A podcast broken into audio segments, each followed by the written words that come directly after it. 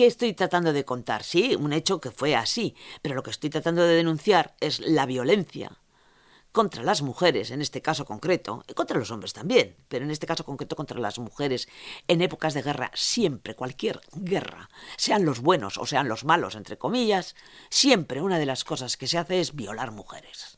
Ahí por donde pasan las tropas. Y se está haciendo ahora, en fecha actual. Entonces, bueno, la disculpa, pues vale, la quema de Donosti, pero lo que quiero contar es otra cosa, ¿no? Hay gente que a veces lo entiende, hay gente que no que ve la historia, lee la novela y se acabó. Pero yo, para poder escribir, tengo que contar algo. Quiero, quiero decir algo, ¿no?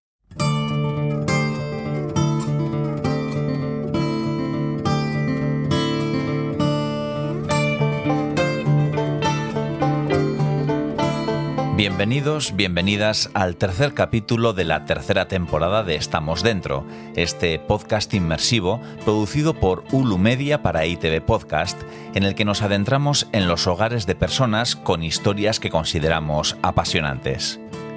Y la protagonista de esta semana va sobrada de historias.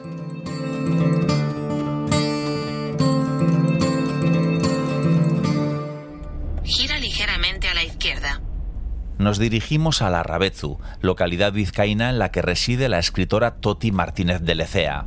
Continúa un kilómetro. Empezó a escribir tarde, pero su imaginación y capacidad de trabajo la han convertido en una de las autoras más prolíficas y exitosas de Euskadi. Pero más allá de esto, que ya podría ser suficiente razón para protagonizar un capítulo de Estamos dentro, lo que más nos gusta de ella es que no se casa con nadie salvo con Alberto, aunque este tuvo que insistir. Continúa recto por Andramar y Calea, luego tu destino estará a la izquierda. Este podcast me va a dar la oportunidad de visitar localidades que no conocía, como es el caso de la Rabezu. Tu destino está a la izquierda. Es sábado. La mañana se presenta fresca y soleada. El pueblo todavía se está desperezando. La casa de Toti Martínez de Lecea está a la entrada del casco antiguo de la localidad, pero como he llegado con tiempo, aprovecho para pasearme por sus calles.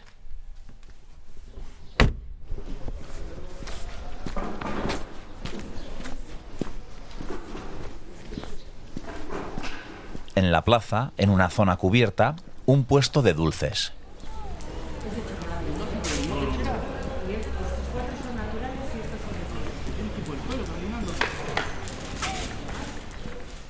En la calle principal, uno de los pocos puntos con actividad, una pescadería.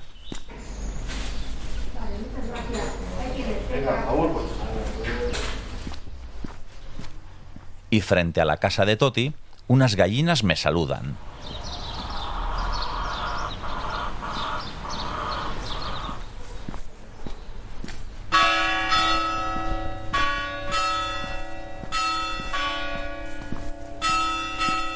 11 de la mañana, hora en la que me había citado con Toti. Su casa, un viejo caserío con siglos de historia, engalanado en su fachada con una gran bugambilla, está junto a la parroquia de Andramari, cuyas campanadas hacen que encamine mis pasos hacia la puerta.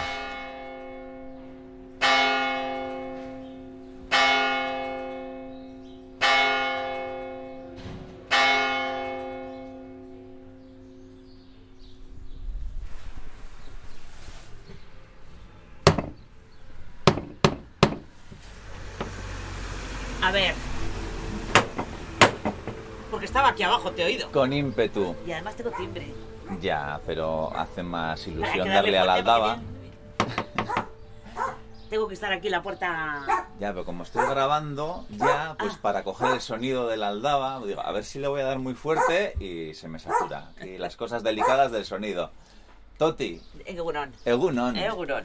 Ya. ¿Y quién, quién, quién saluda al fondo? Chipi, Sí. Wow, kaixo? Kaixo? Zuzentzea? Eh? Ya está, laguna que ala, bai. Bai, lasai. ¿Eh? Bueno, ya, ya nos hemos hecho amigos. Vale. Ya está. Bueno, Toti. Bueno, querido. Esto ya grabamos hasta la entrada, luego ponemos los micrófonos en condiciones y eso. Pero Vale ya, vale ya, vale ya. ya está, Laguna Gehala. Ya, ya. Ya. Laguna Gehala. Ahí. Bueno, eta gure etxea. Ze polilla. Ba, torre ginen eh, Frantziatik eta e, bizi ginen eh, Frantzian. Mhm. Eta Alberto Bilbokoa da, niri gaztizkoa eh, Alemanian ezagutzen ginen, eta, bueno, gero lau urte bete pasatu ginen eh, eh, Frantzian. Eta etorri ginenean berriz Euskal Herrira, ba, nahi genuen eh, herri euskaldun bat, etxe zahar bat konpontzeko, eta, eta kitxo. Eta hemen etorri ginen, eh, larrabetsura, eta erosi genuen eh, etxe hau, oso nahiko, nahiko txartu izan zen. Ez, eh, zegoen oso ondo, ez- eh, edo? Claro, o sea, Bai. eh, le iban a tirar. Eta orduan, bueno, pues eh, Bueno, lana pasamos al, al castellano porque en sí la, la entrevista Ah. es en castellano. Bueno, sí, que cuando vinimos de Francia eh, a- de nuevo, eh, pues eh, queríamos un pueblo escualdún, eh, que no estuviera lejos de Basauri, que era donde iba a trabajar mi marido, y, y una casa vieja para restaurar. Así que compramos esta casa que le iban a tirar un mes después.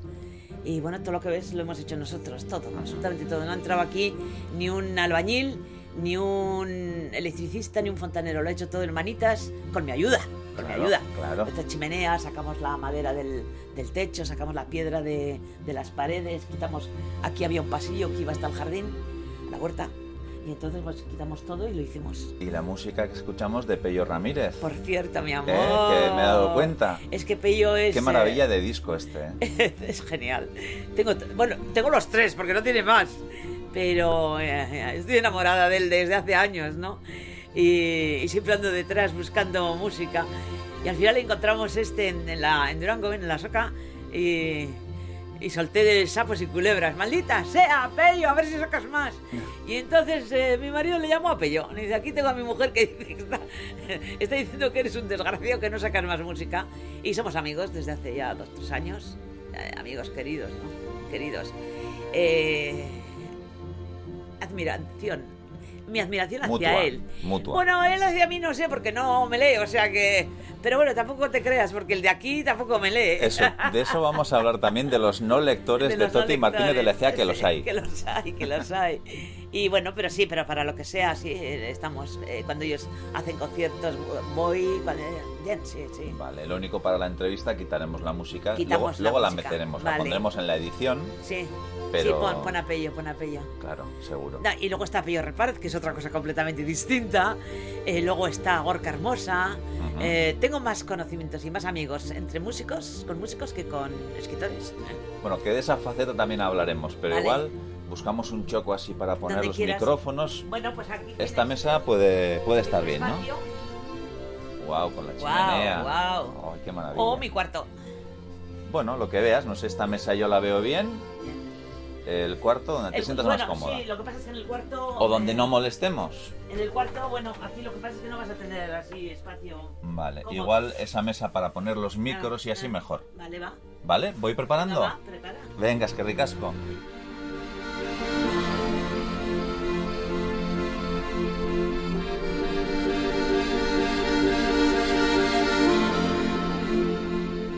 Probando el audio. Ajá, hola. A ver si entra bien. Perfecto. Vale. Bien. Toti, qué, qué guay. Sí. Que nos hayas abierto la puerta de, de esta casa que no sé si calificarla como un museo, como un rincón donde hay amor, creo, por todo lo que disfrutáis, compartís, Alberto y tú. Sí. Qué maravilla. Y un trastero.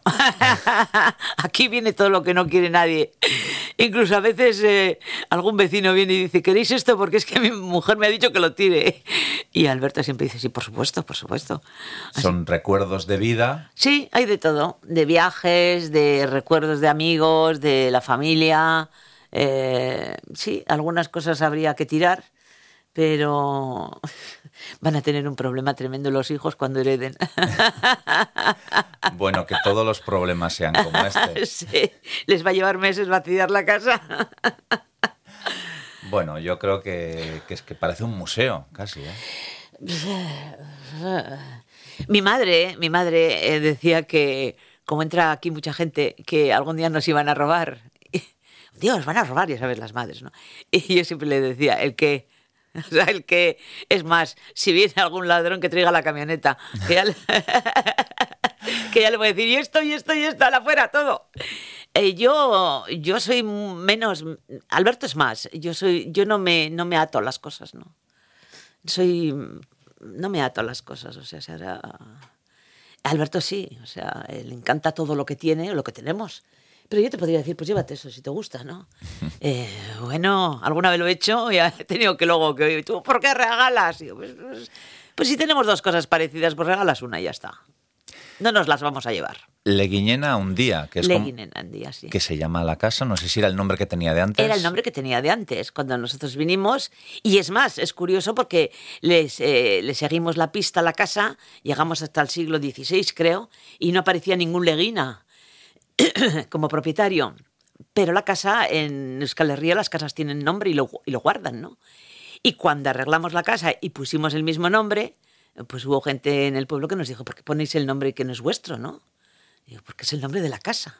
Claro, que tiene su propio nombre. Tiene su propio nombre. Y su historia. Y su historia, así que... Y para una autora entre otras cosas, de novela histórica, no, te veía viviendo en un piso así de estos de... No, no, no. Lo teníamos muy claro que queríamos una casa. Cosas que, bueno, ya te digo, eh, esto más que una casa es un almacén. que ¿El flechazo fue la casa? ¿Fue el pueblo? Fue el pueblo, el pueblo, el pueblo.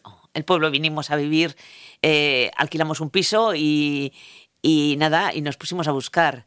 Claro, la idea bucólica, pastoril, romántica era coger un caserío. Pero yo no conduzco y soy una mujer. Y como soy mujer, soy práctica.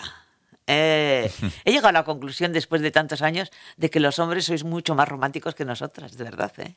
Eh, nosotros tenemos los pies en el suelo, así que le dije a este a Alberto, le dije, mira, no conducimos, los hijos se marcharán. ¿Y qué hacemos tú y yo en un caserío que hay que limpiar, que hay que calentar? Que además, pues si no tenemos coche y yo no conduzco, o sea, no tenemos coche, no, no podemos conducir, o tú llega un momento en que no puedes conducir, ¿qué? ¿Qué? Si hacen falta una aspirina, ¿eh? hay que ir. Y luego la preocupación mientras los críos sean críos, ¿no? Que llegan tarde, que no llegan, que son ya las 8 de la noche, que son las 10, o cuando empiecen a ir a fiestas y hay cosas por lo de... En fin. Y le dije, no, es, es, muy romántico lo del caserío, pero déjate. Así que nos pusimos a buscar en el pueblo. Y esta casa la iban a tirar, la iban a tirar. De hecho, la compramos una, un mes antes de que la tiraran, porque estaba ya desde hacía seis años vacía, y la compramos para gran sorpresa de todo el mundo que esperaba que tirásemos la casa y construyéramos, no sé, un chalet o una casita más. ¿Qué va, qué va? No, no, si lo que queríamos era precisamente eso, ¿no? Las piedras, la madera, las chimeneas. Las chimeneas no había, las hizo eh, Alberto, las dos. Ahí, sí, ahí. porque me comentabas que toda la obra la hicisteis entre los dos. Pues toda, quitando el tejado, claro quitando el tejado que hasta ahí no llegábamos. Pero lo demás sí, sí, sí, con Alberto y con mi colaboración, claro. Yo de, de pinche, de pinche, de obrero con la carretilla. O, y o además, de supervisora, ¿no? A ver si esto está bien o no está bien. No, no, no, eh, yo de, de, de pinche total. Además tiene su cosa porque a veces me encuentro con gente que se me disculpa, ¿no? O sea, me dice, es que, es que no puedo leer porque no tengo tiempo, porque claro, tal. Y yo suelo quedarme así y digo, bueno, nosotros vinimos con lo puesto, compramos una casa, hicimos la casa, o sea, la, restauramos completamente. Teníamos dos hijos. Eh, mi marido trabajaba en una fábrica, yo trabajaba de traductora.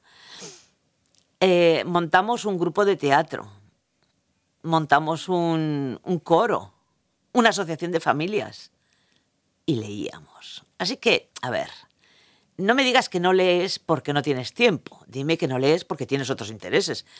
Eh, a mí me suelen preguntar, ¿cómo consigues hacer todo lo que haces o con lo que hacéis, no? Bueno, no vemos la tele, es que no vemos la tele. Eh, y tampoco andamos de bares, pues es que cada uno tiene sus, sus formas de vivir. Así que nos da el día para todo lo que nos da. Uh -huh. mm. Y está claro que es para mucho.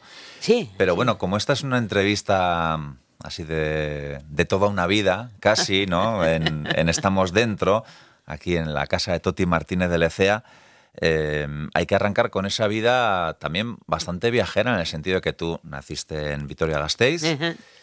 Pero luego, mmm, bueno, pues tuviste la oportunidad, gracias sí. a tus padres, sí, de, sí, de, vivir en distintos lugares, eh, aprender distintos idiomas. Y, y, eso fue bueno, Ogibidea, ¿no? En, Bai, en eh. unos inicios fue lo que, lo que profesionalmente te dio para vivir. Pues tuve suerte. Eso es, eh, hay gente que dice que la suerte no existe. Yo creo que sí. Claro que a veces la suerte te la tienes que buscar, pero en mi caso mm, tuve suerte. Mis padres eran como eran, sobre todo mi padre. Porque mi madre, bueno, como madre y tal, pues no le hizo mucha gracia que a los 15 años mi padre me mandara a Francia. Eh, pero eh, Aita lo tenía claro. Era mala estudiante. ¿Quién lo diría? Porque Sí. eh, para los libros mm, hay que estudiar mucho Ya, para pero- escribirlos. Ya, pero era mala estudiante. Entonces, la recomendación en la época, te estoy hablando de los años 60, ¿no? Era, eh, pues que estudie, yo qué sé, puericultura o secretaria o una cosa de esas. Andereño. Ah, eh, no, andereño, maestra. Bueno, maestra, Todavía maestra. no había castolas. Sí. Y entonces mi padre dijo, pues hija, para, para estudiar no, no valdrás, pero para hablar es que no callas. Así que vete a estudiar idiomas. Eh, fui a Francia, estuve en París, luego fui a Inglaterra. Con 15 años, ¿eh? o sea, en aquella época Sí, sí, que sí, te mandaran a otro país con sí. 15 años, Sí, sí, acabado el, el sexto bachiller, que ni siquiera hice el, el preu que se decía, ¿no? El, lo que es ahora, que es ahora, ¿cómo se llama? la selectividad. La selectividad, no, no lo hice, me quedé en el bueno, bachiller. tampoco sé si se llama selectividad ahora. En mi época era selectividad. La mía era preu. ahora que- creo que es otra cosa.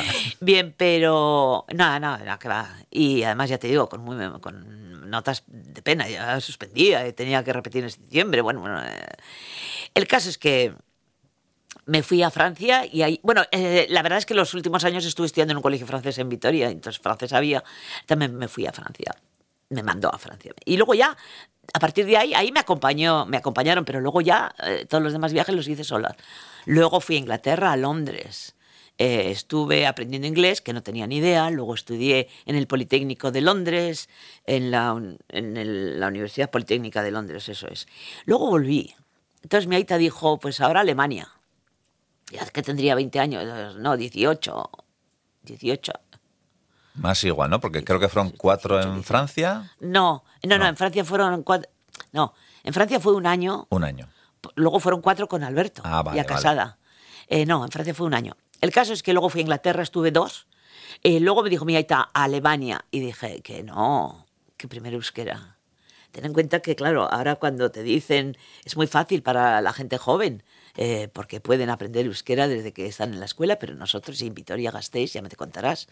Así que me fui a un caserío y estuve todo un curso en un caserío en Alquiza, en Guipúzcoa. Aburrida, pero aburrida, ten en cuenta que tenía 17, 18 años, 18 años.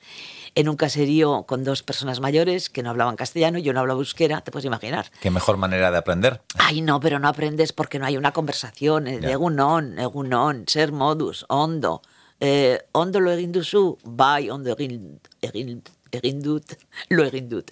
Y luego con el, con el cura de la parroquia, con la iglesia, pues aprendiendo algo de gramática. Luego sí me fui a Alemania. Ujú. Me fui a Alemania y estuve también dos años. En Alemania le conocí a Alberto. En Alemania se me declaró y en Alemania le dije que se fuera a hacer puñetas. Hay que irse hasta Alemania para conocer al amor de tu vida, No que es de sé. Bilbao. Es que nos conocimos allí y se me declaró, pero por favor, que yo que tenía 19 años. ¡eh! Y luego volví a Vitoria y estuve trabajando un año en la DKV, en, como secretaria de un alemán. Ujú. Eh, me aburrí. Me aburrí porque el alemán se marchó y pusieron a otro jefe que era de allí y me aburrí mí- porque el otro era como una máquina, ¿no? Y bueno, las horas pues pasaban rápidas, pero luego ya... Así que me volví a Londres a hacer un curso de secretaria. y a la vuelta de Londres me encontré con Alberto otra vez, esta vez en París. Y ahí ya sí, en París. Ahí se declaró, y yo ya tenía 21 años, y dije, pues con este o me quedo soltera. Y le dije, pues vale. Y yo me volví a casa, y él se quedó en Francia, pues estaba trabajando ahí en el norte de Francia. Y ese año nos casamos, sin ser novios, por carta. Eh, este año pasado hemos hecho 50 años juntos, o sea que... Bueno, ahí es nada, 50 años eh, y cómplice de vida, ¿no? Total, total. Yo he hecho siempre lo que me ha dado la gana y él también, claro. el problema eh, que veo ahora, por ejemplo, entre la, la juventud, ¿no? O entre los, eh, antes no se podía separar uno, ahora se puede separar, pero y ahora antes no podías vivir sin casar, ahora pues puedes vivir sin casar, pero aguantan poco, aguantan poco, siete años, seis años, cinco años y se separan. Eh, y a veces me preguntan, ¿y cómo, cómo habéis hecho vosotros para aguantar 50 años? Ah, es muy fácil. Yo tengo mis proyectos, él tiene sus proyectos y juntos tenemos otros proyectos. O sea, eh, la libertad para cada uno para hacer lo que hemos querido y también un proyecto conjunto entre los dos, ¿no? Porque somos como el agua y el vino, ¿eh? No te puedes hacer ni idea, o sea, lo diferentes que podemos ser, pero bueno. Ah. A mí nunca me ha, me, ha, me ha puesto trabas y yo tampoco se las he puesto a él, ¿eh? las cosas como son. Pues bueno, pues habéis encontrado ese equilibrio y esa fórmula que, pues sí. que ha funcionado y lo que decías, ¿no? Que, que a veces hay que aguantar a veces hay que ceder. Sí, claro. Y, y así es como se tira para adelante. Pero es que las cosas a veces se les da una importancia que no tienen, ¿no? Y, y te llevas un disgusto o, o, tienes una bronca por algo que, que, que, no tiene ninguna importancia, que va a pasar, ¿no? Nosotros cuando decidimos ya casarnos y todo esto, nos hicimos una promesa eh, y la hemos cumplido, ¿eh? No irnos a la cama nunca enfadados. O sea, podemos enfadarnos o podemos decir, déjame en paz, eres un pesado, pues tú eres más y tal. Pero nunca nos vamos a la cama enfadados. Nunca, nunca. Nunca nos dormimos enfadados. Y ya está.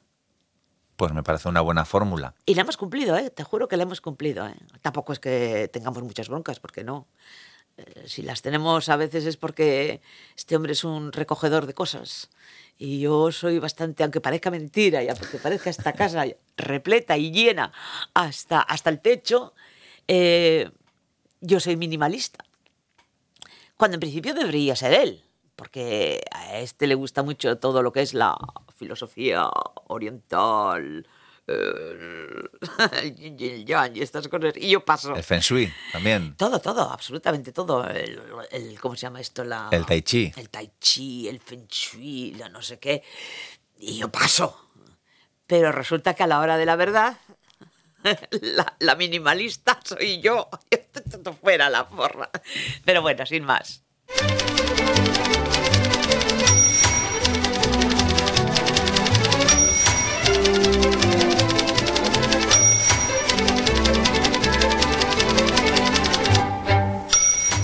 A Toti Martínez de Lecea la podemos describir de muchas maneras.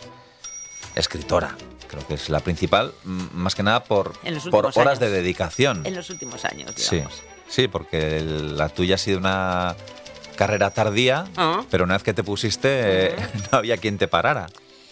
Eh, pues sí, pues coincidió también, eh, las cosas hay que verlas, ¿no? Porque es muy difícil para un autor joven eh, pues compaginar, ¿no? Con esto no se vive, se vive a, base de trabajar. Pero si tú tienes que sacar adelante una familia y pagar una hipoteca, pues no te puedes dedicar todas las horas del día. Eh, yo empecé cuando mis hijos ya habían crecido, cuando mis hijos ya eran independientes, eh, cuando ya habíamos acabado de pagar la hipoteca de la casa. En fin, eh, pues no lo sé, fue así. Eh, y ahora sí, claro, le dedico pues todo el tiempo, todo el tiempo que no dedico a recoger, cocinar, bueno, atender de, la, todas formas, a los medios. Bueno, aquí, aquí estamos y de hecho en, en la intimidad de, de, vuestro templo, casi, ¿no? Ya que estamos aquí con temas orientales y así. Ah, bueno, ya ves, hay de todo. Tenemos eh, un... Un dragón. Eren Sugebat, Uraurrean, aquí entre tú y yo. Chino. Med mediando. Sí. Hablaremos también de, de Nur. De Nur. Pero, claro, hemos dicho escritor a tiempo completo de carrera tardía. Pero antes también una persona muy inquieta, porque sí que el trabajo de traductor parece un trabajo muy de, de hormiguita, de... Mm, pero es que mi trabajo no era literario, era técnico, fíjate tú. Uh. Técnico. O sea, aquí traducción literaria poca. Lo que eh, ahora no lo sé, pero en mi tiempo, o sea, eh, contratos, manuales de, de herramientas, de máquina herramienta. Vamos, era una experta y no tengo ni idea, además, pero eh, conozco los idiomas, así que ya más tenía el ingeniero aquí para, oye, ¿esto qué, esto qué es? Esta- este nombre que pone aquí. Y no, era el trabajo de técnico, pero bueno, bien. Pero de todas formas, trabajar de, de traductora en casa, porque siempre he trabajado en casa, quitando aquel año que hice en una fábrica y me aburrí, eh, he trabajado en casa. Pero luego estaba pues todo lo demás, ¿no? Lo de, de fundar un grupo de teatro, luego estuvo lo de la tele, que estuve ahí. Hablaremos, hablaremos de todo eso. De Cucubilcho, Ah. que para los que tenemos una edad también es como otro nombre casi mitológico ya, ¿no? Un, un nombre pues eh, con los que se fue forjando también la, la cultura de Euskadi. Pues supongo que sí. Eh, a ver, cuando nosotros llegamos... A ver, siempre hay que hacer las cosas por algún motivo, no porque solo por capricho, sino por algún motivo. Cuando llegamos aquí a la Rabechu con los niños, eh, eran pequeñitos, ¿no? Pues el, el chaval nació aquí, la, la niña tenía dos años.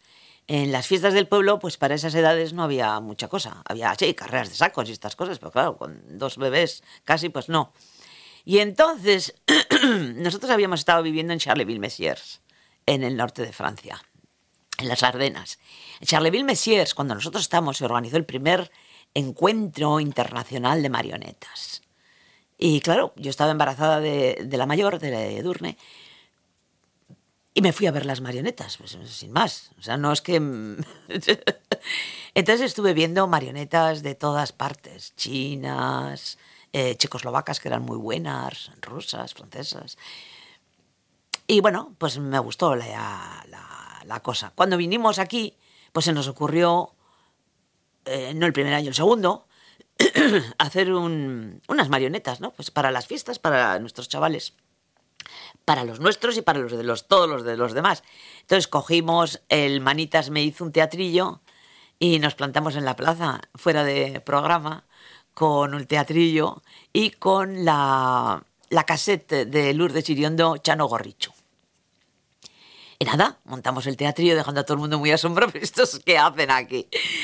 Eh, porque además nos llamaban los franceses, ¿no? Como habíamos venido de Francia y teníamos el coche con matrícula francesa, ¿pero qué hacen los franceses aquí? Y estábamos, montamos con unas marionetas muy sencillas, muy, muy sencillas, pues hicimos el chano gorrichu, chano gorrichu, duti sena, amamaren echera, noa, con la cassette. Bien, pues luego en Navidades los jóvenes del pueblo, que además tienen aquí el club aquí delante, el Gasteche, nos pidieron volver a hacer el, Chano Gorrichu. Pero como nos lo dijeron con tiempo, entonces ya lo montamos más complicado. Hizo un teatro mejor, con decorados que, que cambiaban de la, del pueblo al bosque, del bosque a la casa de la abuela. Hicimos las marionetas mejor, las muñe- los muñecos mejor. Cogimos a un par de jóvenes para que nos echaran una mano para sacar pues, los muñecos y tal. Y así salió el cocobilcho. Luego ya, pues aquí en casa, mientras estábamos haciendo la obra, en el piso de arriba, eh, pues em- empezaron a llegar jóvenes y montamos el cucubilcho. Cucubilcho es un personaje de, la, de los cuentos vascos, ¿no? Es Cucubilcho, garbancito. Eh, se me ocurrió a mí el nombre, Cucubilcho. Y a partir de ahí, pues eh, estuvimos haciendo eh, marionetas, teatro de marionetas, que luego fue teatro de zancos también, porque en esa época vi en Lekeitio, en Lekeitio, no, creo que sigue habiendo, hay un Festival Internacional de Teatro Callejero. Sí, sí, sí. Mm. Y vimos los primeros zancos allí. Y el Alberto pues vino a casa y se construyó unos zancos. Y los practicamos en la, en la huerta. Yo no, claro. Yo, a mí no me haga subirme a sitios raros. Y entonces el teatro de calle, pues, eh, pues empezamos a hacer en euskera todo. Y yendo por sitios donde no iban los grupos de teatro, claro, pueblos, escuelas, sitios. eh, y no cobrábamos tampoco. eh, cobrábamos, el, si estaba lejos, el, el- el kilometraje y un bocadillo, ¿no? Y bueno, eh, así, así fue como empezó. Que así se ha forjado mucho de la cultura vasca, ¿no? A base de, de compromiso, de entrega y de sacrificio. Pues es que eh, es la única forma, porque los poderes nunca apoyan lo que, lo que no tiene nombre. O sea, a ver cómo te lo cuento. Los políticos apoyan a los que tienen nombre. Es decir, tú te tienes que ganar el nombre y una vez que te has ganado el nombre, pues a lo mejor te ayudan. Pero mientras lo estás intentando, mm, para nada. Eh, para nada. La cultura viene de la palabra latina, cultura, que es cultivo. En principio eh, era cultivo de los campos, luego pasa a ser cultivo de la mente.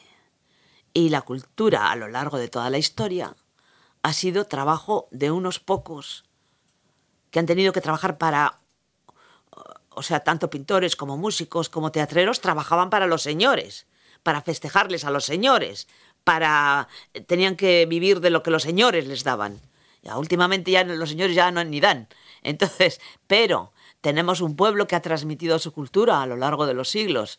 No la ha transmitido con ayuda de nadie, la ha transmitido al calor del fuego. Luego, cuando el calor del fuego acabó, cuando las chimeneas eh, dejaron paso a la, a la chapa baja, ¿no? A la económica. A la económica, cuando las gentes dejaron de hablar junto a las, al fuego y, y apareció la radio, la bombilla eléctrica, pues acabó se acabó la transmisión oral, que es lo que es nuestra cultura.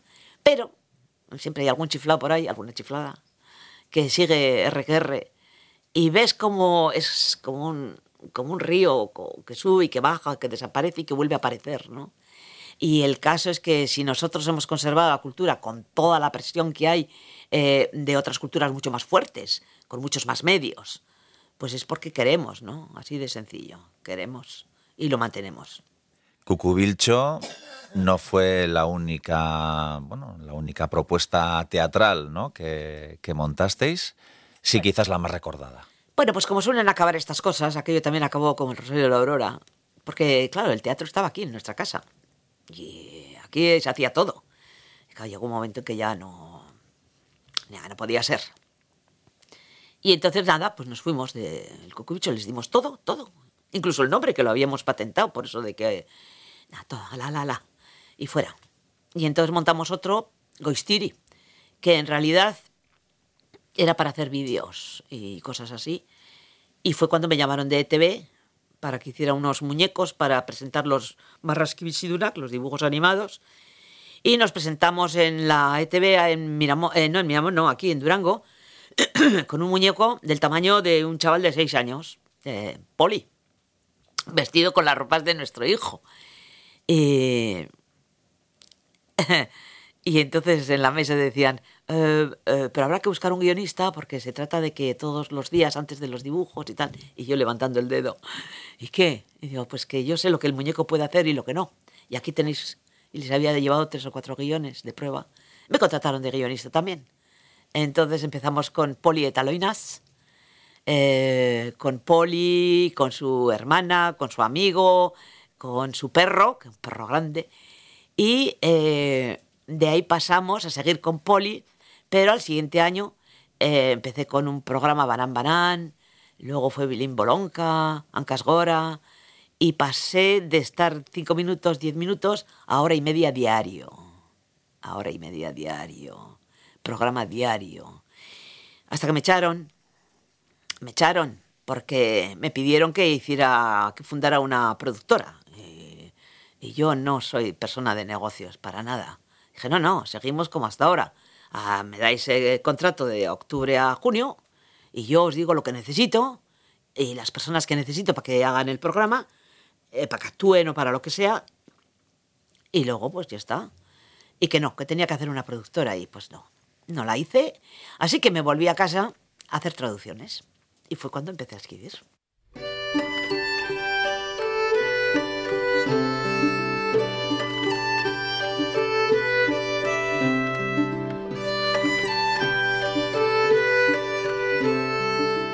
Y Toti Martínez de Lecea empezó a escribir, y no paró.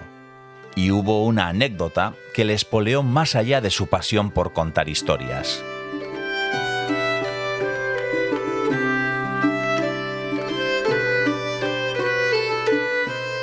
El arranque ¿no? de, esa faceta de, de escritora de novelas, en este mm, caso, mm.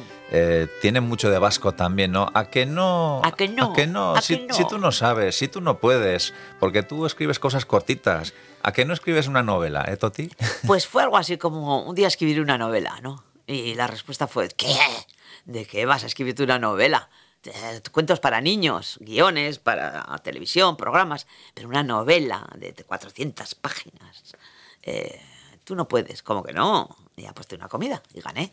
¿A quién? a Julen Lizundia, que entonces era el director de, de Rein. Ah.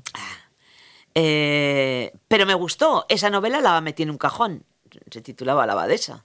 Salió cinco años. Me suena, después. me suena, sí. Sí. La guardé. Que un problema con los escritores jóvenes, o, o los que empiezan, aunque no sean jóvenes, es que en cuanto tienen el libro hecho, pues quieren publicarlo. Y la cosa no es tan fácil. Y yo dije, ya, ¿esto quién me lo va a coger, no? ¿Por qué se me ocurrió la abadesa? Pues porque me gusta la novela, entre comillas, histórica, porque en realidad hay una discusión sobre el tema, ¿no? De si es histórica o qué. Eh, a mediados del siglo XX se empieza a dar títulos a, la literatura.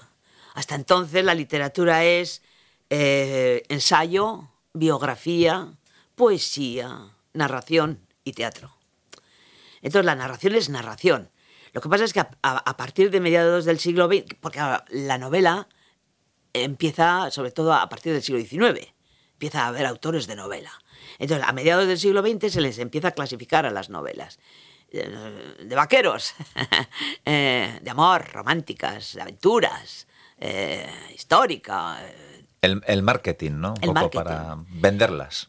Y ahora, a veces, eh, eh, cuando se dice novela histórica, pues parece que estos, a mí me lo han dicho, que yo era una persona que escribía de novelas de capa y, ¿cómo era? De toca y de capa. De, no, de toca y espada, de toca y espada. Yo, no. Novela histórica es todo lo que me, obliga a documentarme. Puede ser el siglo I o puede ser el siglo XX. Yo nací en el 49, no tengo ni idea cómo vivía mi abuela. Si quiero poner a comienzos del siglo XX una historia, tengo que documentarme. Ropas, trajes, sueldos, eh, situación política, social, religiosa, me tengo que documentar. La guerra civil, me tengo que documentar. Yo no estaba allí. Entonces, para mí, todo lo que... Sin embargo, el 90% de las novelas que se publican en el mundo, que se han escrito, son históricas, porque los autores no estaban cuando, cuando en la época en la, en la que ellos describen su, su trama, en la que colocan su trama, ¿no? Entonces ahora hay otra nueva moda que dice que viene, pero que lo del siglo XX, pues la guerra civil y tal, que eso no es histórico, ¿no va a ser? Para el que no lo ha vivido, claro que lo es. O no te vas a documentar para escribir, vas a poner que llevaban, yo qué sé, vaqueros, ¿eh? Y, eh, y que llevaban teléfonos móviles. Qué tontería, ¿no? Pero bueno, a mí me gusta la, la- la novela. A ver, que empecé con Tolstoy y esta gente, ¿no? Entonces, eh, a- digo a leer profundamente. Y con Dumas, y con Dumas. Y con José Miguel de Barandiarán también. Bien, pero este no escribe novelas, No. José Miguel. Pero te ha dado mucho material. Pues es que mi padre, vuelto a mi padre, era un gran lector. Mi madre también, pero mi padre era un gran lector. Es que no había televisión. A veces cuando voy con chavales a hablar con ellos y les digo, bueno, es que yo leía, porque es que no, no había televisión en mi casa. Y se me suelen quedar mirando como diciendo, "Jo". y alguno me ha preguntado, ¿erais pobres? Digo, no, que es que no existía el aparato, el chisme, y se me quedan mirando como diciendo, wow, una vieja del Pleistoceno del nos ha del llegado". siglo XIX, realmente. Del Pleistoceno. A ver, la televisión entró en mi casa cuando yo tenía 13 años, una cosa así. Y en mi casa se leía. Y mi padre, eh, aparte de ensayos históricos que le encantaban, era el tema de la, de la cultura vasca. O sea, es que no, no había otro medio de, de tener cultura vasca. Es que no había. No, no lo aprendíamos, no nos lo enseñaban, no lo oíamos, no lo veíamos. Eh, lo único que llegábamos a ver algunas veces eran danzas y alguna canción de ochotes y así, ¿no? Pero no había. Eh, pero estaban los libros de Barandiarán y estaban los libros de Resurrección María de Azcue y los de Satrústegui y toda esta gente, que esos sí, esos fueron pueblo por pueblo, casa por casa, preguntando, y aquí, ¿cómo se hacía esto? ¿Y tenéis alguna leyenda? ¿Hay algún tipo de superstición? ¿Y cómo os curabais aquí? ¿O cómo se curaban? Pues yo qué sé, los abañones, ¿no? Y así recogieron esos magníficos libros, mm, que sin ellos, sin ellos, no habría nada porque ahora hablamos todos mucho de, diosas, dragones, vasohounds y demás, pero si estos hombres no van por esos caseríos preguntando sobre leyendas y demás, esta historia que me suelo encontrar a veces es que mi abuela me contaba, tu abuela no te contaba nada, hombre, que yo le conocía a mi abuela y le conocía a mi bisabuela y eran de pueblo, Álava, pero eran de pueblo. Y no me contaban leyendas, me contaban chascarrillos. Eh, las leyendas, ya te digo, se contaban junto al fuego. Ahí es donde se contaban las historias. Y bueno, pues sí, mi padre me regaló, tengo las obras de Barandiarán completas, la Resurrección María de Azcue. Y me acuerdo que con 15 años me hizo un regalo extraordinario, tres tomos de la enciclopedia Uñamendi. Y yo pensé, ¡buah! Pero ¿cómo se le ha ocurrido regalarme tres, tres tomos de una enciclopedia? ¡Qué menudo, menudo regalo virrioso, ¿no? Bien, pues esa enciclopedia la hemos acabado Alberto y yo siendo abuelos y la tenemos entera. Y algunos tomos los tengo absolutamente desgastados de tanto, de tanto usarlos, ¿no? Y de tanto leerlos y de tanto... Con... Lo de las enciclopedias mm, a las nuevas generaciones Eh, también hay que explicárselo. La internet. Porque ya como todo está supuestamente en Google o en la Wikipedia, Está, está, está. ya lo de que esté en un libro, Bueno, pero todo, todo no está en, la- en Internet. Aparte que en Internet puede entrar cualquiera y no siempre es, es, es exacto lo que dice, o sea, no siempre es real. Hay que contrastar. ¿Y dónde vas a contrastar, no?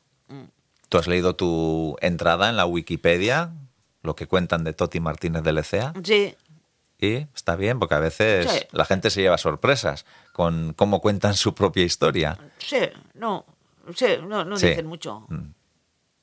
Eh, nacida, tal cual, tal, y luego pues todos los títulos, ¿no? Bien. sin Bueno. más. Peor podría ser si se inventaran la historia. Más o menos está documentada. Sí. Ah, pues porque han leído lo que yo he dicho. Bueno, mm, escritora, escritora, pero para escribir hay que leer, leer más que escribir. Mucho, mucho, mucho, mucho, mucho. Mucho, mucho. Y sobre todo, ya te digo, cuando te vas para atrás. Porque escribir una novela en fecha actual, bueno, pues era la trama, ¿no? Una trama, pues lo que sea, ya sea criminal o amorosa o lo que fuere, ¿no? Mm, Pero sabemos cómo vestimos, cómo comemos, cómo nos desplazamos. eh, pero a nada que te vayas para atrás, pues tienes que consultarlo. Y eso es una disculpa para aprender. Porque... Para quien no le gustaba estudiar o era mala estudiante. Ah, es que me aburrían. Además, los profesores decían que era vaga eh, o que no era muy lista. En fin. ¿Te has cruzado con alguno? Así Sí, sí, años después. Ah, y- no, no, no, no, no. No, solo recuerdo un par de, de profesores. eh, no, no, no, no, no. Pero, por ejemplo, te doy un ejemplo. Eh, ya te digo que soy lectora, lectora, lectora desde muy cría, ¿no? Eh, creo recordar, o sea, tampoco te lo puedo decir, como esos que dicen, yo a los cinco años ya sabía, pues ya a los cinco años no tenía ni idea, y a los diez tampoco. Pero creo recordar que me interesó, me empecé a interesar por la historia, aparte de que a mi padre le encantaba, ya te digo, pero bueno, yo eran sus, sus, sus- sus gustos, no eran los míos. Eh, yo creo que empecé a interesarme por la historia, pues probablemente leyendo a Dumas, ya lo tengo leído todo, a él y a sus negros, ¿eh? Porque ya sabes, Eso. a su productora. a su productora de libros, sí. Él era un nombre, era, era un nombre de empresa, o sea. ¿Una marca? Una Sí. marca, eso es. Eh, y además se nota, porque son muy distintos los estilos y las formas de contar, ¿no? Pero bueno, el Conde de Montecristo, Los Tres Mosqueteros, eso de, quedarte con las ganas y... ¿Y esto por qué ocurría? ¿Y, este señor quién era?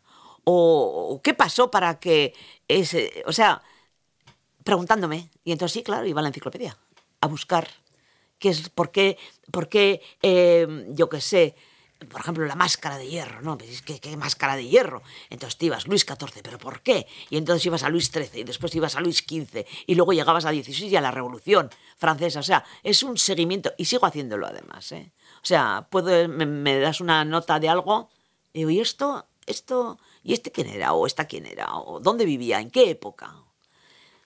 Que no era vaga. Se lo decimos a No, los profesores de Toti, sino que, bueno, pues tenía que encontrar lo que le interesaba para ir tirando del hilo y soy gracias a eso, soy cuentista. gracias a eso, pues todas esas historias, porque em, decías en la Wikipedia está el listado de libros, no sé si está actualizado porque es difícil seguirte el ritmo. Sí, creo que sí. No, no lo sé, no lo sé. ¿Cuántos son? ¿Cuántos libros? Ah, 57. 57. Más los dos que saldrán, o tres, este año. Entonces serán 60. Ujú. Novelas son 26. Ve, Eso sí sé, porque es que me lo han preguntado, entonces he tenido que contarlas. 26 más la que estoy escribiendo, 27. Mm. Novelas, novelas para adultos, entre comillas. Os voy a contar cómo ha cambiado mi vida desde que decidí levantarme a las 5 para ser más productivo.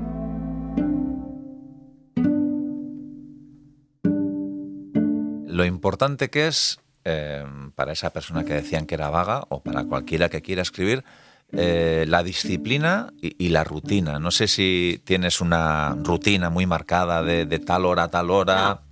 Cuando puedo. Normalmente a las tardes. Antes era a las mañanas, ahora es a las tardes. Eh, porque ahora a las mañanas suelo estar repasando lo que he escrito la víspera y luego también pues tengo muchos correos y estas cosas que contestar, colaboraciones que me piden, me piden colaboraciones para cosas. Eh, guiones que estoy haciendo, ay, qué divertido. Eh, eso sí quieres también te lo cuento. Sí, claro. Eh, guiones. Por ejemplo.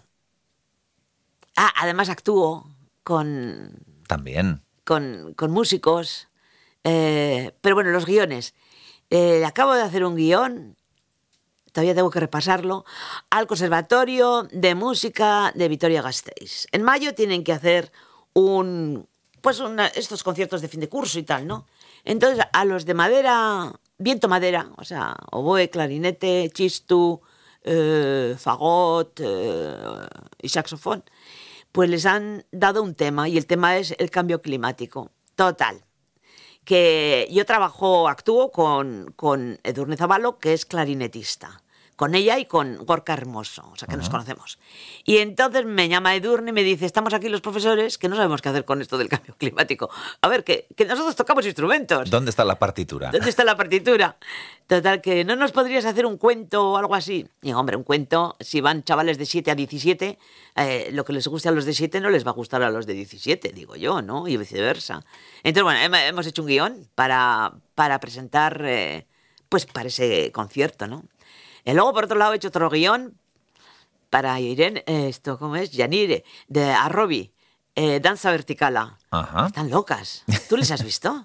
Eh, no, pero me imagino cómo es y. Se cuelgan de unos cables. Bailar, ¿no? En, Bailan en una pared vertical. Sí, sí. Sí, es algo tremendo. Bueno, pues en, en junio eh, quieren hacer un espectáculo en Guecho. Y entonces querían la historia de la mujer vasca. Eh, Esa es una pared muy vertical, ¿eh? sí, se, se- va a lanzar además mapping, o sea, imágenes Sí. y tal. Pero claro, si tú lanzas imágenes, pones música y bailas colgada de un cable, bien, pues está muy bonito, si quieres muy... es- o sea, eh, te quedas muy asombrado. Pero si quieres transmitir algo, algo más tienes que hacer. ¿no? Contar algo. Y me dice, "Y tendrás que venir a contarlo. Y le digo, no pensarás que me voy a subir a un cable. Y va la otra y me dice, se puede arreglar. Le digo, ¿qué? ya lo que me faltaba. No te subiste a los zancos, Ah. con cucubilcho te vas a subir a un cable ahora. Así que, bueno, pues eso, por ejemplo, otra, otra, otra propuesta. Y estas propuestas me llegan muy a menudo, por lo tanto, no es solamente que escriba novelas o artículos o artículos para ONGs o simplemente para colaborar con, con cualquier cosa, ¿no? El caso es que, bueno, sí, lo que me preguntabas, pues suelo trabajar a las tardes, a partir de las 4 hasta las 10, una cosa así. 6, 7, 8 horas diarias. Y luego decías a la mañana, a la noche lo has dejado reposar y a la mañana lo revisas. eh, mm, ¿Suele darte por cambiar mucha cosa o, o más o menos No. eh, vas bastante encauzada? Voy encauzada. Eh, lo que pasa es que, yus, comas, palabras repetidas, bueno, bueno, bueno, bueno. En cuanto a lo que me comentabas, eh, no sé qué me habías preguntado antes que ha salido esto. Sí, un poco la, la rutina y la disciplina, ¿no? Eh, Para... Ah, no, sí, para escribir. Em, pues también he llegado a una conclusión a esta edad. No te creas tú, no, no lo sé desde siempre. Para escribir. A ver, para tocar el violín tienes que ir desde crío, aprender solfeo, aprender, en fin, todos las- estos. Y además tienes que tocar el violín. Y además tienes que ensayar una y otra y otra vez hasta que ese violín suene. Aún así, todos los que estudian violín no suenan igual. Eh, porque si yo he hecho la carrera de violín y tú también, y tú eres un virtuoso que anda dando conciertos por el mundo y yo estoy metida en una orquesta porque bueno, alguna diferencia habrá. Y eso que el instrumento es lo mismo y los estudios son iguales, ¿no? Bien, pues resulta que para escribir, pues sabemos hacerlo. La herramienta la tenemos desde los cinco años. Mi mamá me mima. Ujú. Eso no significa que seas escritor, eso significa que sabes tocar. O cantar, por ejemplo. Yo puedo cantar, pero bueno, no, no puedo cantar ópera. Me encantaría, me encantaría, pero no puedo. Pero bueno. El caso es que para escribir, y esto lo estoy viendo últimamente mucho, con esto de Internet y con las autopublicaciones y demás, pues todo el mundo escribe. Lo que pasa es que para escribir, como para cualquier, te digo, para cualquier otro arte, hay que tener alguna cosa diferente. ¿Y qué es lo que hay que tener para poder escribir? Primero, haber leído mogollón. Si no has leído, no hay una carrera de escritor. Tienes que saber cómo han escrito otros, lo que te gusta, la forma como... Yo a veces leo un libro y digo... Eh". En cambio otras, bueno, uh, digo, pues así, así. Eh, haber leído mucho. Tener imaginación. Ah, tener imaginación. Y ahí no tiene mérito nadie. ¿La naces con ella o no? Gente que necesita una tarde entera para escribir una carta de, dos párrafos. Yo necesito cinco minutos. ¿Estará mejor la de dos párrafos? Pues no lo sé. Pero desde luego hay que tener imaginación para imaginar historias, ya sea en el presente o en el pasado, eh, personas, caracteres, eh, lugares y luego la trama. Luego hay que hay que tener algo que contar. ¿eh? Si no tienes algo que contar, si, no, si escribes simplemente por escribir una historia bonita, pues bueno, pues vale. Pero si no tienes algo que contar, algo que denunciar, no tiene por qué ser denuncia siempre contraria, ¿no? Sino simplemente, ¿por qué? A ver, por ejemplo, tengo una novela que se titula Brecha, Brecha. Estaré en Donosti presentándola en euskera. Porque no estaba en euskera, pero Erein me la ha publicado en euskera. Con esa novela, el año que viene se hace un musical en Donosti. Mm. Brecha es la historia de la, de la brecha de, Donosti, de la quema de Donosti. Eh, bueno, pues cuentas la historia de cómo llegan los, eh, eh, los aliados, el Wellington, el general Álava, tal, cómo entran, cómo se cargan a la gente en la, en la, en la ciudad. y, en realidad dice, bueno, pues estás contando una historia de que ocurrió una guerra, una quema, las barbaridades que se hacen en, esas, en esa relación. Pero no, yo no quiero contar, sí, quiero contar eso, pero quiero contar algo más. Primero quiero contar cómo los buenos no son siempre los buenos. En fin, los buenos entre comillas. Porque la población de Donosti esperaba a los liberadores y los liberadores entraron a saco. Eh, tirando, disparando contra la población, violando a todas las mujeres entre 8 y 80 años, que hay testimonios, robando en todas las casas. Y una vez que hicieron eso, echaron a la población de, que eran unas 5.000 personas de Donosti, y quemaron casa a casa. Porque resulta que Donosti, cada vez que España y Francia entraban en guerra, pues el primer sitio que ocupaban era el, Fuerte Orgul. Bien, ¿Qué estoy tratando de contar? Sí, un hecho que fue así, pero lo que estoy tratando de denunciar es la violencia contra las mujeres, en este caso concreto, y contra los hombres también, pero en este caso concreto contra las mujeres, en épocas de guerra, siempre, cualquier guerra, sean los buenos o sean los malos, entre comillas, siempre una de las cosas que se hace es violar mujeres. Ahí por donde pasan las tropas. Y se está haciendo ahora, en fecha actual. Entonces, bueno, la disculpa, pues vale, la quema de Donosti, pero lo que quiero contar es otra cosa, ¿no? Hay gente que a veces lo entiende, hay gente que no, que ve la historia, lee la novela y se acabó. Pero yo, para poder contar algo, tengo, o sea, para poder escribir tengo que contar algo, quiero, quiero decir algo, ¿no? Hay una historia que se llama El el verdugo de Dios y El jardín de la oca, que son dos libros, que es el camino de Santiago desde el norte de Francia hasta hasta Galicia, ¿no? Y bueno, pues voy contando historias de los que van, eh, que no son peregrinos, que en realidad eran mercaderes, soldados, eh, pobres de necesidad y toda esta gente. Eh, hay un párrafo en el segundo libro, en el Jardín de la Oca, que a mí a veces me sorprende. Digo, esto es lo que quería decir. Y por fin lo he conseguido decir, porque a veces no lo tengo muy claro. Hay un, un párrafo que dice, a ver, Hadi al-Suri. Hadi al-Suri extendió su alfombrilla de rezos en dirección a la Meca y recitó la primera shura del Corán, mientras don Ezequiel Falaquera sacaba el talit de su bolsa de viaje y entonaba el Shema Israel. Y al mismo tiempo, la campana de la capilla de Santa María de Areas sonaba llamando a prima. Tres religiones juntas en el fin del mundo una vez. Bien, eso es lo que quería contar, ¿no? Que no es una cuestión de religiones ni nada, es una cuestión de personas, ¿no? Esto, las enemistades entre los- las religiones y la política no es una cuestión de las ideas, es una cuestión de las personas. Somos nosotros los que hacemos la diferencia, los que rompemos, los que peleamos, los que acusamos, los que o nos defendemos, depende de lo que toque, ¿no? Así que si no tienes una razón para escribir, pues mejor no escribas, la verdad. Y luego meter horas. Esas son las tres formas. O sea, es eh, haber leído mucho, tener algo que contar, tener imaginación y meter horas. Y no hay más truco, no hay más truco. No hay más truco. Luego decías, ¿no? Los autores jóvenes eh, lo que quieren es publicar, ¿no? No, y los no tan jóvenes también, ¿eh? También, pero bueno, que, que a veces hay que dejar reposar las cosas. Eh, ¿Cómo ha sido? Es curioso que esa apuesta eh, en torno a, bueno, Toti, tú no vas a poder escribir una novela. Al final, esa editorial, ¿no? Eh, el responsable de esa editorial, Erein, es quien Sí. te acabó publicando. Bueno, pasaste también por Tartalo. Sí, y también he pasado por otras. Sí. Eh, a ver, cuando, bueno, pues aceptas que te publique quien sea, ¿no? El caso es que ver el libro. El- la, la primera novela que me publicaron fue la segunda que escribí, La calle de la judería. La mandé a varias editoriales, todas pequeñitas y todas de aquí, de, de, de Euskal Herria, o sea, de, sí, incluso de Navarra. Mandé a varias. Porque los amigos que habían leído el original decían, esto lo tienes que publicar. Yo, "Eh, yo no conozco nada de ese mundo. Total que mandé la novela a varios y me la devolvieron, me la devolvieron. Que era muy gorda, que era que a nadie le interesaban los judíos. Es una novela, ¿no? Que sean judíos o que sean, yo qué sé, ¿qué más da, no? Estás hablando de personas y eh, que, que no, que la novela histórica no iba a funcionar y tal. Así me la dije, bueno, pues no valgo. Qué ojo, ¿eh? Tuvieron. Sí.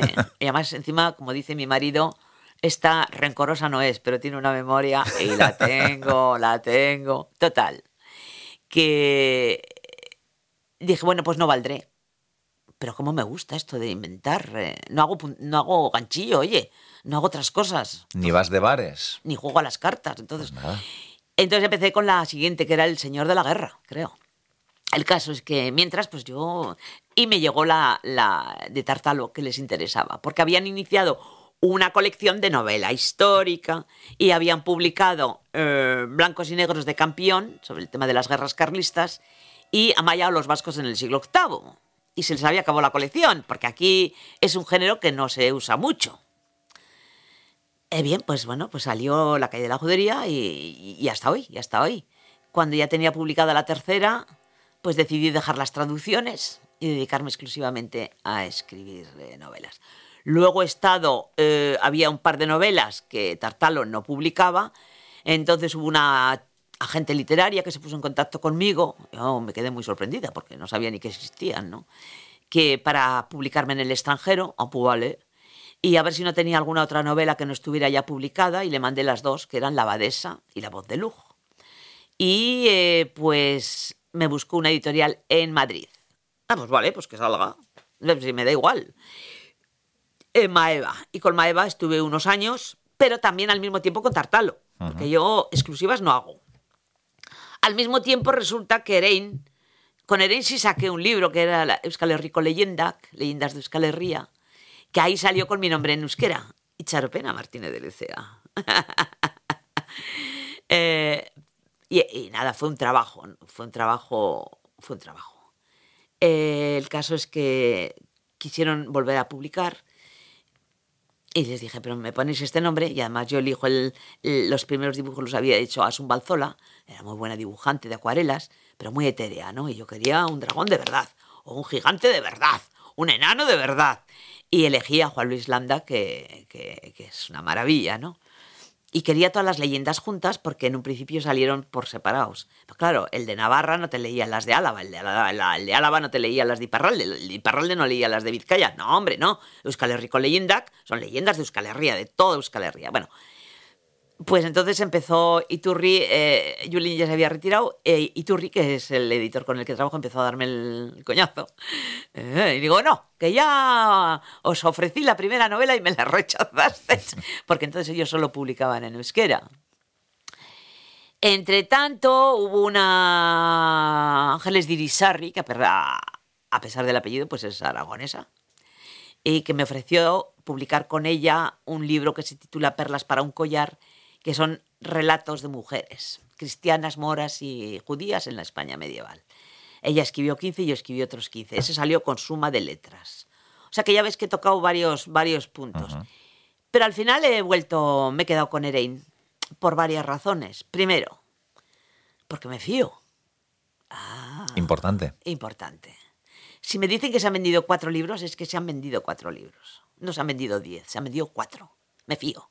Y es muy importante. Segundo, porque puedo pasarles lo que yo quiera. Digo, se me ha ocurrido tú misma. Y la más importante probablemente, aparte de la que es que les conozco a todos y es como si estuviésemos en familia, ¿no? Y llamas por teléfono, oye, ponme con fulano, tal. Es que me publican en euskera yo no puedo escribir en euskera. Yo no puedo escribir en euskera. Tampoco escribiría en inglés o en francés. Y soy buena en esos idiomas. Pero escribo en castellano, que es el idioma que mamé. Y tengo que aguantar que me digan que no soy escritora vasca porque no escribo en euskera. Pero también tengo que aguantar que me digan que no soy escritora española porque soy vasca. Es decir, estoy en tierra de nadie. Que tampoco soy escritora porque escribo eso. Eso. ¿eh? Pero... Bueno, y todo eso te da fuerza también. Joder, ya te digo, los retos son lo mío, ¿no? El caso es que el, tema está en que, ya le pregunté una vez a uno que me dijo, en Durango además me dijo, a la cara, que no me leía porque no escribía en euskera. Le dije, pues vale. Y, y que el día que escriba en euskera, pues que me leerá, porque él solo lee Gatorrisco. Y le dije, y, y le dije, Gatorrisco. Sí, yo solo leo en original, o sea, en el idioma original. Le dije, bueno, pues, pues me encanta conocer. En castellano, ¿no? Le digo, no, estábamos hablando en euskera. Y le dije, me encanta conocer a alguien que ha leído a Dostoyevsky en ruso. Ya que en alemán, ya Osten, en inglés. Y se me quedó mirando. Digo, ¿o solo has leído en euskera? Eso fue hace unos años, ¿eh? Digo, porque solo has leído en euskera, que poquito has leído que las cosas son como son. No se podía publicar en euskera. Las novelas empiezan a publicarse en euskera en, a finales del siglo XX, en 1990 y tantos, ¿no? Con Achaga y compañía. Ahora sí, ahora hay un montón. Ah, menos mal. Pero cuando empecé, y es el año 2000, había muy poquito, muy poquito. Muy poquito para un lector compulsivo, como soy yo, ¿no? Entonces, eh, de todas formas, a, a, uno ya le pregunté, que también me volvió a decir lo mismo, y le dije, bueno, pues en fin, Barandiarán y yo debemos de ser mexicanos. Y dice, ¿cómo? ¿Cómo que Barandiarán y tú? Le digo, no lo sé. No sé si sabrás que Barandiarán publicó toda su obra en castellano. La escribió en castellano. Ah, entonces, él y yo somos mexicanos. Pues que te coste que un mexicano y yo, aunque escribamos en castellano, no vamos a ser iguales. Así de claro. Bien, pues digo, ah, que no os gusta, pues ala, toma más. Y entonces Erein me publica en euskera. Y de hecho, y no es una falta de humildad, porque cuando las verdades son verdades, pues son verdades. La autora que más libros tiene publicados en euskera, autor, autora, que más libros tiene publicados en euskera soy yo. Toma. Erein y yo. Erein y yo. Estoy encantada, ¿no? Em, esos compañeros ¿no? de viaje, de camino. Erein, has citado también a Juan Luis Landa. Sí. Que al final. Ahora trabajo con Iván, con el hermano. pero eso, ¿no? Ver en imágenes eh, eso que tú has escrito y has descrito. Eh, también encontrar esa persona que entienda cómo quieres plasmarlo, eso es importante, ¿no? Sí, más que nada, probablemente es. Yo no les digo lo que tienen que dibujar. Yo les paso el texto. Y sorpréndeme, sorpréndeme todo caso, oye, no sé si te has dado cuenta que el texto ocurre en invierno. Me la has puesto en camiseta. Haz el favor de ponerle un jersey. Pero aparte de eso, nada. libertad total, cada uno en su campo. Hablamos de novela histórica, ensayos, pero la literatura juvenil y especialmente infantil, ah. a través de, de NUR, ¿no? Bueno, pues también te ha traído muchos nuevos lectores y lectoras y eso es importante, ¿no? Ah. Que la gente, que los niños y niñas empiecen a leer desde pequeños. Pues mira, también por, por- eh, mm, mi hija, mi yerno y mi nieta se fueron a vivir a China. Mi yerno es sirio. Mi hija lo conoció en China, estudiando chino. Y él haciendo un máster en chino. Vinieron aquí, pero como era sirio, aunque consiguió la nacionalidad española en dos años, pues no encontraba trabajo, ya sabes. Daba lo mismo que fuera ingeniero, que hablara árabe, que hablara chino, que hablara inglés, que hablara castellano. ¿eh? Era un moro. Así que, bueno, una empresa de Guipúzcoa le ofreció trabajo para llevar la fábrica en China. Y se fueron a China. Y se llevaron a la niña, pero es que es la única nieta que tenemos. Y me quedé, oh. Eh, mi hija me decía, escríbele un cuento a Nur. Y yo, "Pues es que yo no escribo cuentos para críos, ¿no? O sea, pero bueno, el caso es que... Pero era otro reto.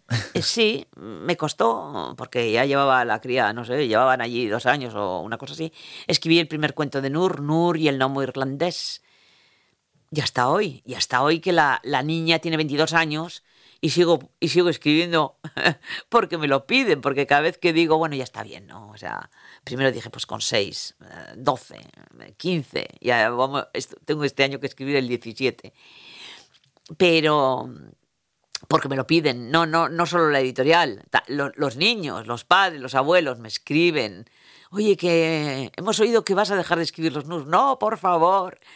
Y luego vienen críos que tienen todos los libros, ¿no? Sin embargo, se organiza, hace un par de años se organizó un, un encuentro, o como le llames, de novela infantil y juvenil en Donosti. A mí no me invitaron, ¿eh? Bueno, tomamos nota. Y el juvenil, pues también, pues cuando Nur tenía 14, 15 años, escribí tres novelas. Un... Funcionan bien, funcionan bien, pero solo he escrito tres. Y luego tengo una colección, que es una preciosidad, que a mí me encanta, pero que no ha funcionado porque el formato es tipo calendario, ¿no? Para colocar encima de la mesa y que el niño vea, o la niña vea el dibujo y tú mientras lo estás leyendo. Y son Basenbein, cuentos para contar a los niños que no saben leer. Y bueno, esa también es otra, otra aventurilla, ¿no? Que hay por ahí. Luego un par de ensayos sobre brujería, sobre mitología. No, eh, libros de humor, como los grafitis de mamá. En fin, un poco de todo. Pero a mí lo que me gusta es la novela.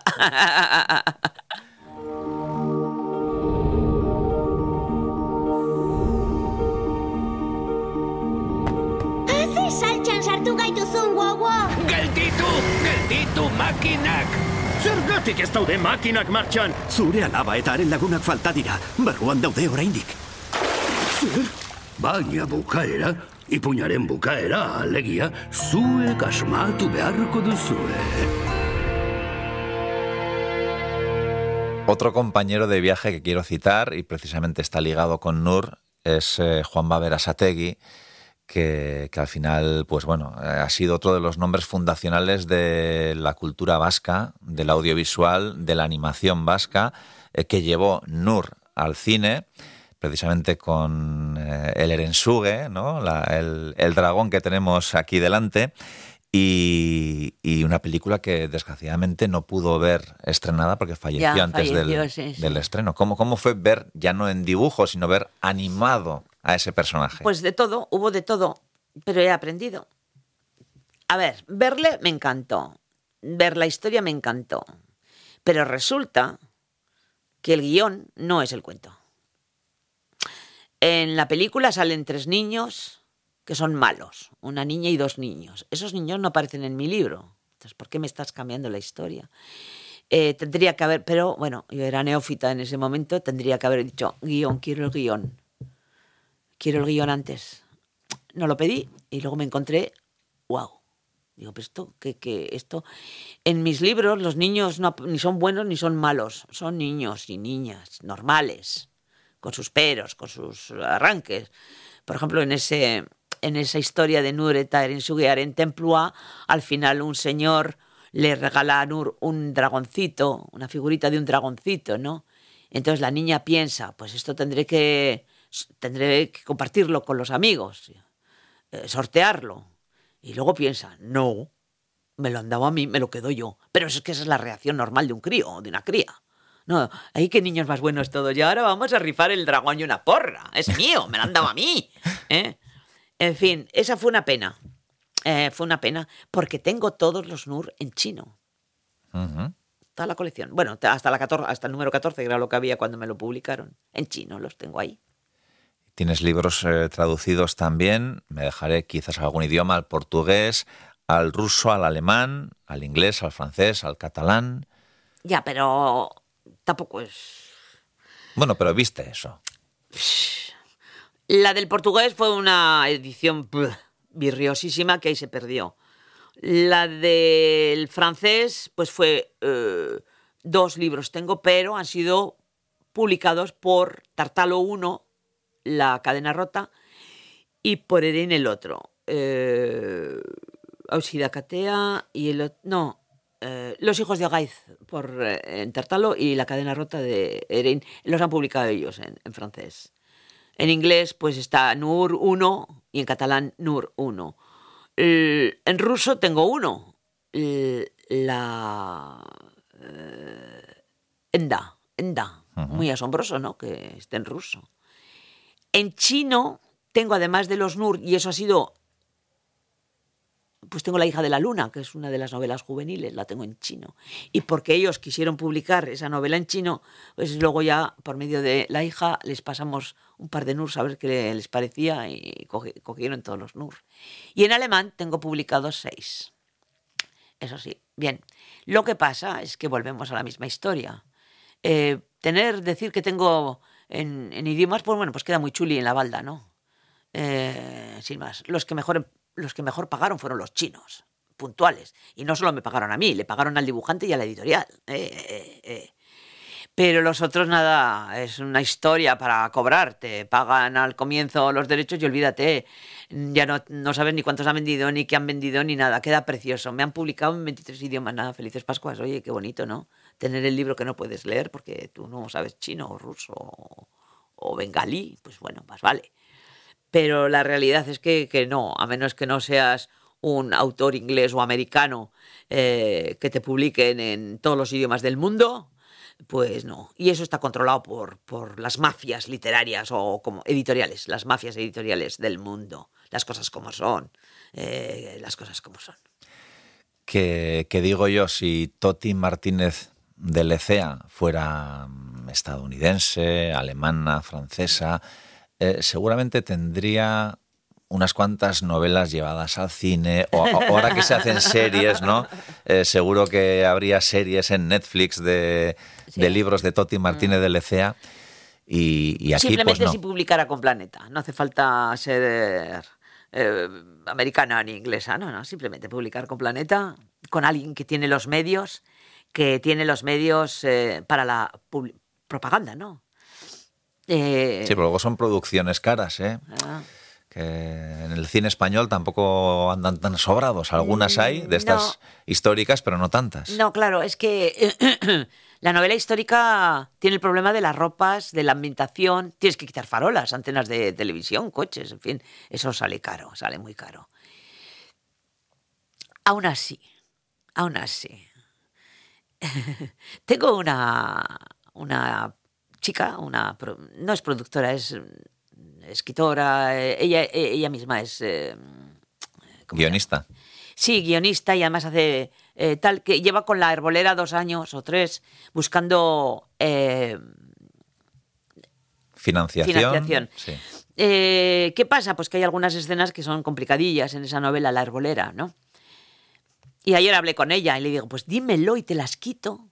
Yo te quito del, de tu... O sea, tengo el guion. Digo, pues dime, esto sale caro, pues lo quitamos y se acabó y ponemos otra cosa. Mm, ¿Qué pasa en este momento? Pues resulta que si quieres ir a una plataforma de esas, que es como se está haciendo el cine actualmente, tienes que llevar a, a- a- a un productor detrás, o sea, a alguien que ponga la pasta. Pero resulta que los que ponen la pasta, que son gente que ni leen, ni ven tele, ni nada de nada, que tienen dinero y te ponen la pasta, quieren el contrato con esas eh, empresas. O sea, si tú quieres, o sea, Netflix te dice que traigas un productor y productor te dice que traigas a Netflix. Es un, es un esto, un... Y luego te dirán a ver si tienes un protagonista de estos conocidos o, o- o no. O no, eso se puede buscar. Si hay dinero, sí. y ahí volvemos a otro tema, que es que aquí se hace alguna película. Oye, un día es histórico. Aquelarre es histórico. Eh, las es histórico. O sea, que tampoco es que no se haga. Y a la gente le encanta. ¿Cuál es la serie que más se ha visto? O una de las que más se ha visto, Juego de Tronos. Bueno, pasta increíble por cada serie, por cada, por, por cada eh, Capítulo. capítulo. Y ahí vuelvo yo a quejarme, ¿no? Porque, a ver, ¿qué pasa con los productores vascos? ¿Qué pasa con las eh, entidades vascas que podrían ayudar y que podrían... No, si a mí me dan el planeta mañana o el Nobel, verás tú cómo pasó. Mañana tengo aquí cola para hacer una película, ya sea en el siglo X o en el siglo XX, que por cierto, la última novela que publiqué ocurre en el siglo XXI, no es histórica, si entendemos por histórica el tiempo pasado. Ah, ah. Y luego además hay una cosa. Si yo he demostrado que soy capaz de escribir cualquier tipo de cosa, es que soy capaz. Entonces, ¿qué? ¿Qué? Eh, ¿no, ¿Tú no te has enterado, eh, señor con dinero, o señor productor, o señor, o señora, que me da igual, eh, que se dedica a estos menesteres, que hay una persona que escribe y que tiene lectores y que puede escribir lo que le dé la gana? Simplemente llamarle y decir, oye, ¿qué? ¿Te gustaría una película? Por supuesto que me gustaría. ¿O una serie? Por supuesto. ¿Y de qué? Es que con esto tenemos problema. La cambio, te hago otra. O sea, que si estás en el tema, estás. Eh, pero bueno, ¿sabes qué pasa por otro lado? Creo, ¿eh? Que tengo una edad. Tengo una edad. Y eh, no soy... No soy... Me puede dar el patatús cualquier día. Bueno, ya sabes que en, en Hollywood ya a partir de cierta sé. eh, está lo de las actrices, pero está lo de Y los aquí- directores también, que ya no les dejan dirigir, no vaya a ser Que fallezcan patatús. en pleno rodaje y no hay seguro que cubra eso. Exactamente. Entonces, si yo tuviera 40 años, a lo mejor, pero como tengo 72, pues no. Estoy ya. eh, estoy ya. ¿cómo se- Tachada. Tachada. ¿Cuál es tu relación con, con los lectores? Porque hay gente que lo que escriba Toti Martínez de Lecea lo leen, lo que Eh, sea. Lo sé, lo sé. Hasta los manuales técnicos aquellos. Lo sé, lo sé, lo sé. Es una cosa. Lo sé, lo sé. Lo sé. Ya te digo que. eh, tengo lectores que se han leído las 27 novelas. Es más, algu- o 26. Algunas veces me viene alguien y me dice, yo te he leído todo. Y digo, sí. sí. Y le digo, y pues suelto, la voz de Lugo. Sí. Bla, bla, bla, bla, bla, digo, la, la comunera, sí. Bla, bla, bla, bla, bla. Y sí que se los han leído. Hay otros que no, que te dicen, yo te he leído todo. ¿Y cuántas me has leído? Y me dice, pues no, seis o siete. Y digo, pues hay 26. Así que todavía te queda por leer. Pero también es verdad que, por ejemplo, ah, hay mucha más gente que ha leído las primeras novelas. O sea, la calle de la judería, la herbolera, la comunera, la abadesa, estas, eh, mucha, mucha gente. Y las otras, pues ya no tanto. No sé, se habrán cansado, se habrán muerto, se habrán hecho viejos. Ha llegado nuevos autores y autoras, que los hay, los hay. O están viendo las series en la tele. O están viendo las series en la tele, eh, o yo qué sé. Pero vamos, que no me puedo quejar. De hecho, pues se contarán con los dedos de una mano los autores que viven de, de los libros, ¿no? Ahora que hay también hay trampa, porque resulta que lo que te he comentado antes, nosotros ya no tenemos gastos, ya hipotecas están pagadas, los hijos están liberados, entonces me puedo permitir el lujo. Una persona más joven no se puede permitir el lujo de vivir de la escritura, yo sí. Pues esa es una ventaja de ser una autora ya de cierta edad. Ya, pero ya te digo, borradilla de, de todas las listas. Ya no, no doy el pego, no doy. Para esos lectores y esas lectoras que dicen, no, yo es que lo he leído todo de Toti. Este año tres. Gracias. No, no. En No. principio la que estoy. Y luego pues habrá un UR, porque tiene que haber un UR para Sí. Navidad. Y luego pues por medio una juvenil me insinuó la editorial. eh, una juvenil, una juvenil.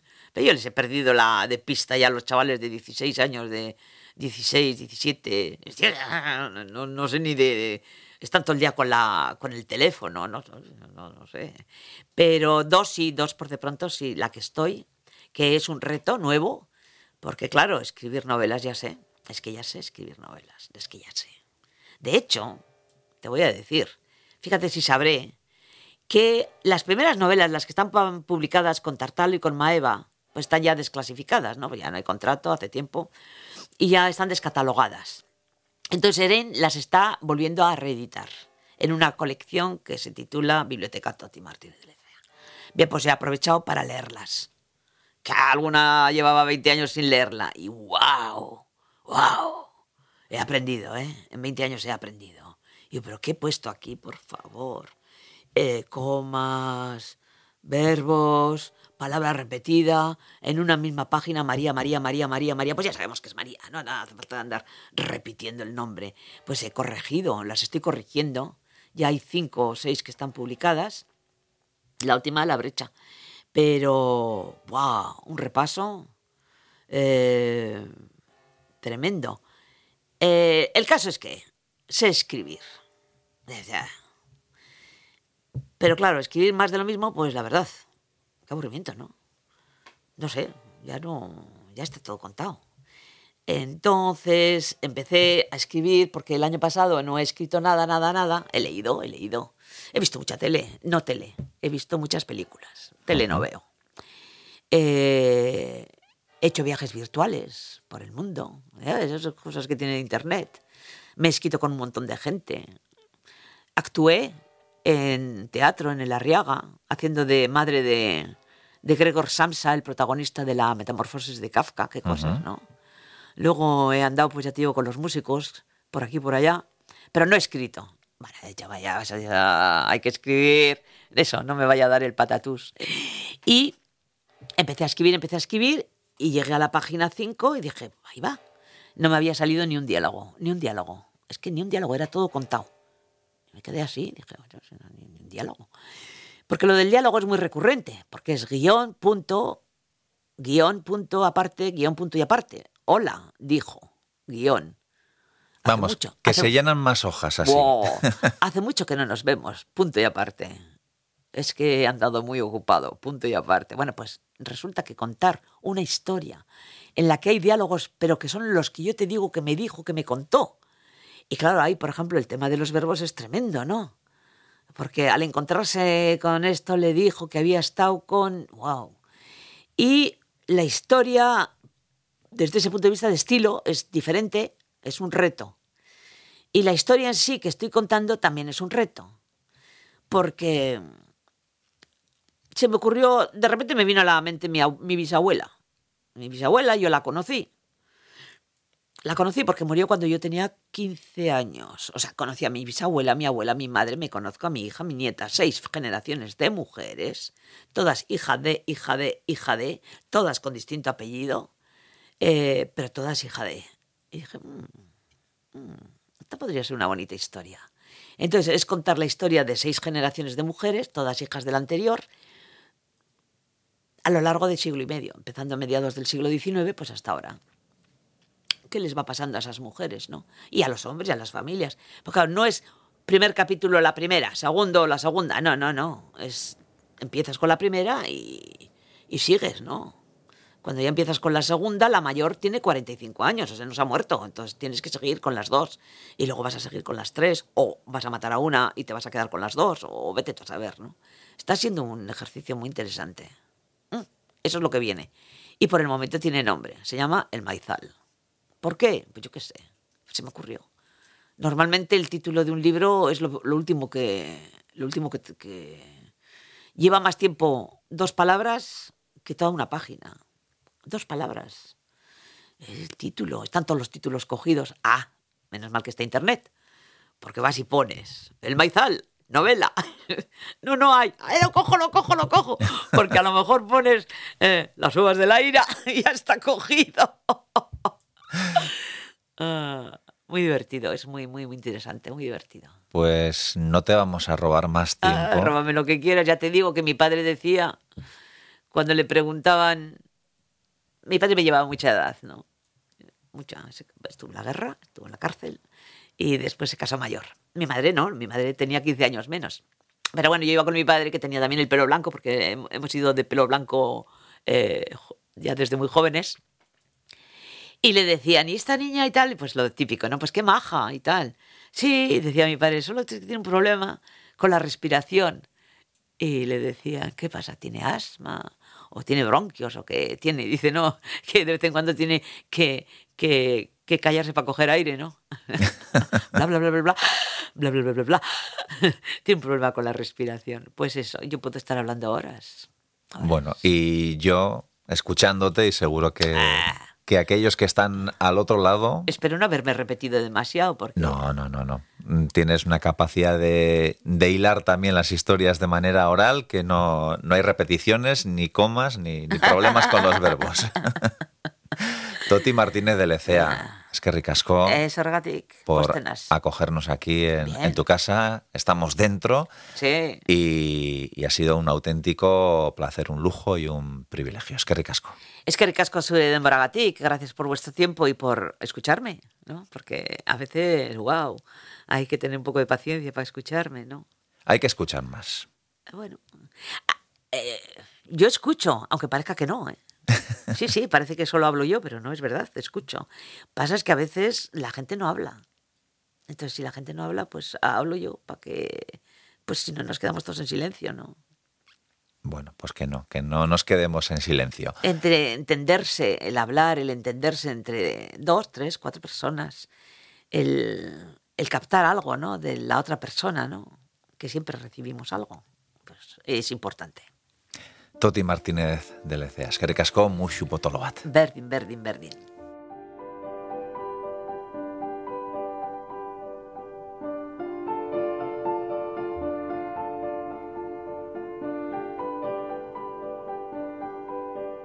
Finalizada la charla, su marido Alberto baja las escaleras y se une a nosotros.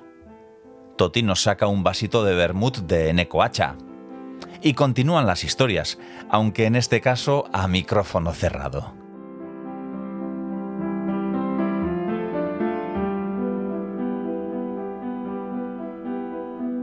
La música de Pello Ramírez nos acompaña hasta la despedida. Si os ha gustado esta visita, como ya tenemos demasiadas cosas en la cabeza, os animamos a que os suscribáis a Estamos Dentro en ITV Podcast o en vuestra plataforma de audio favorita, y así tenéis algo menos de lo que acordaros. Hasta el próximo capítulo. Os esperamos dentro de siete días. Un saludo de John Martija.